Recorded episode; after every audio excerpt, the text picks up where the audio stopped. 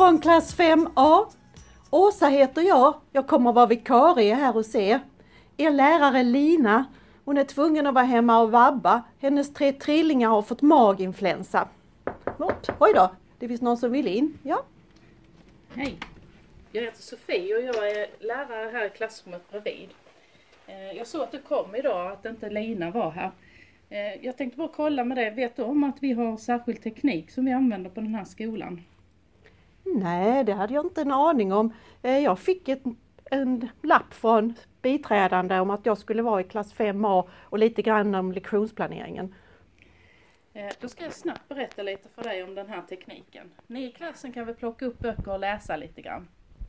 Här på väggen så hänger en krok med en, en liten mikrofon, ser du den?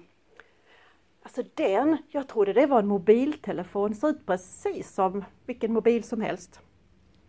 Precis, och eh, med en enkel knapptryckning så startar man den här mikrofonen.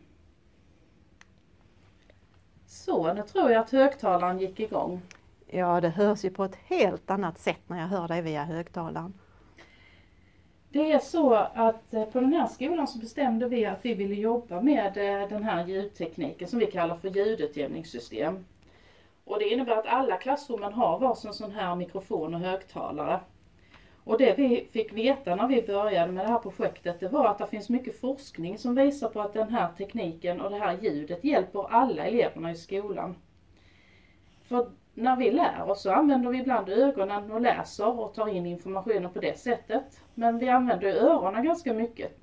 Och eh, vad är det som händer då? Jo, då ska ju man förstå det som sägs för att kunna bearbeta informationen sen. Ja, det har du ju rätt i. Om jag missar lite grann så har jag ju svårt att sen själv bilda ett sammanhang och lära mig någonting intressant.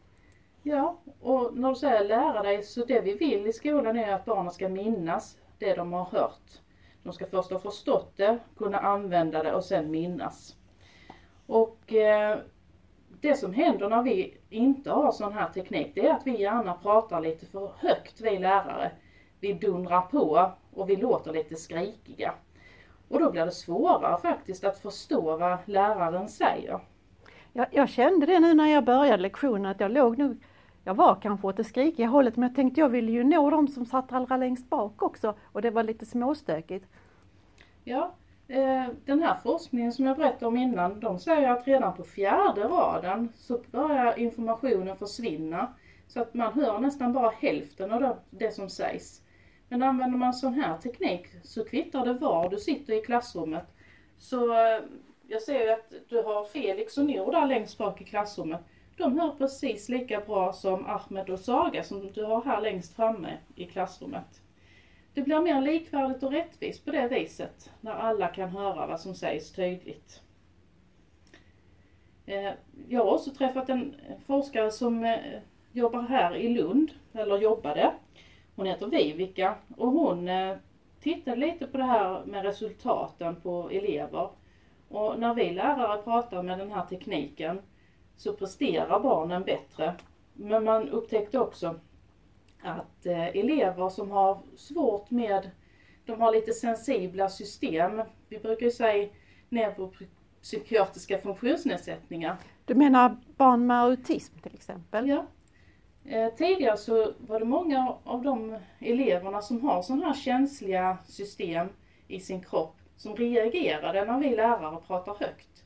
Men när vi börjar använda de här systemen och vi automatiskt sänker vår röst och pratar lite trevligare, då blir de här eleverna lugnare och kan hänga med bättre i undervisningen. Helt fantastiskt att en mobiltelefon och en silverfärgad högtalare kan göra sån skillnad. Ja, ljudutjämningssystem är inte alls dumt. Det har till och med minskat sjukfrånvaron här på skolan. Det är många lärare som tycker att det är mycket mer behagligt att jobba och man blir inte lika trött som lärare efter en dag i skolan. Nej, det vet man ju. Det känns som man har varit lite förkyld och snabbt rösten blir ansträngd eller man sitter och läser högt och man känner att man måste ta i lite grann. Ja, den här Vivica som jag berättade innan, hon berättade att eh, eleverna till och med tycker, i ett blindtest så tycker de att vi är både stränga och elaka och irriterade och arga och fula säger de när de hörde oss med vår naturliga röst. Men så fort vi hade tekniken så låter vi bättre. Och som jag sa så är den här tekniken bra för alla. Men framförallt för elever som har problem och är svaga i språket. Ja, vad bra att du kom in och visade mig tekniken. Den ska jag genast sätta igång och använda. Och du, glöm inte att eh, det kan låta om du tar med den in på toaletten. Så ta alltid av mikrofonen när du lämnar klassrummet. Eller åtminstone tysta den på mute-knappen.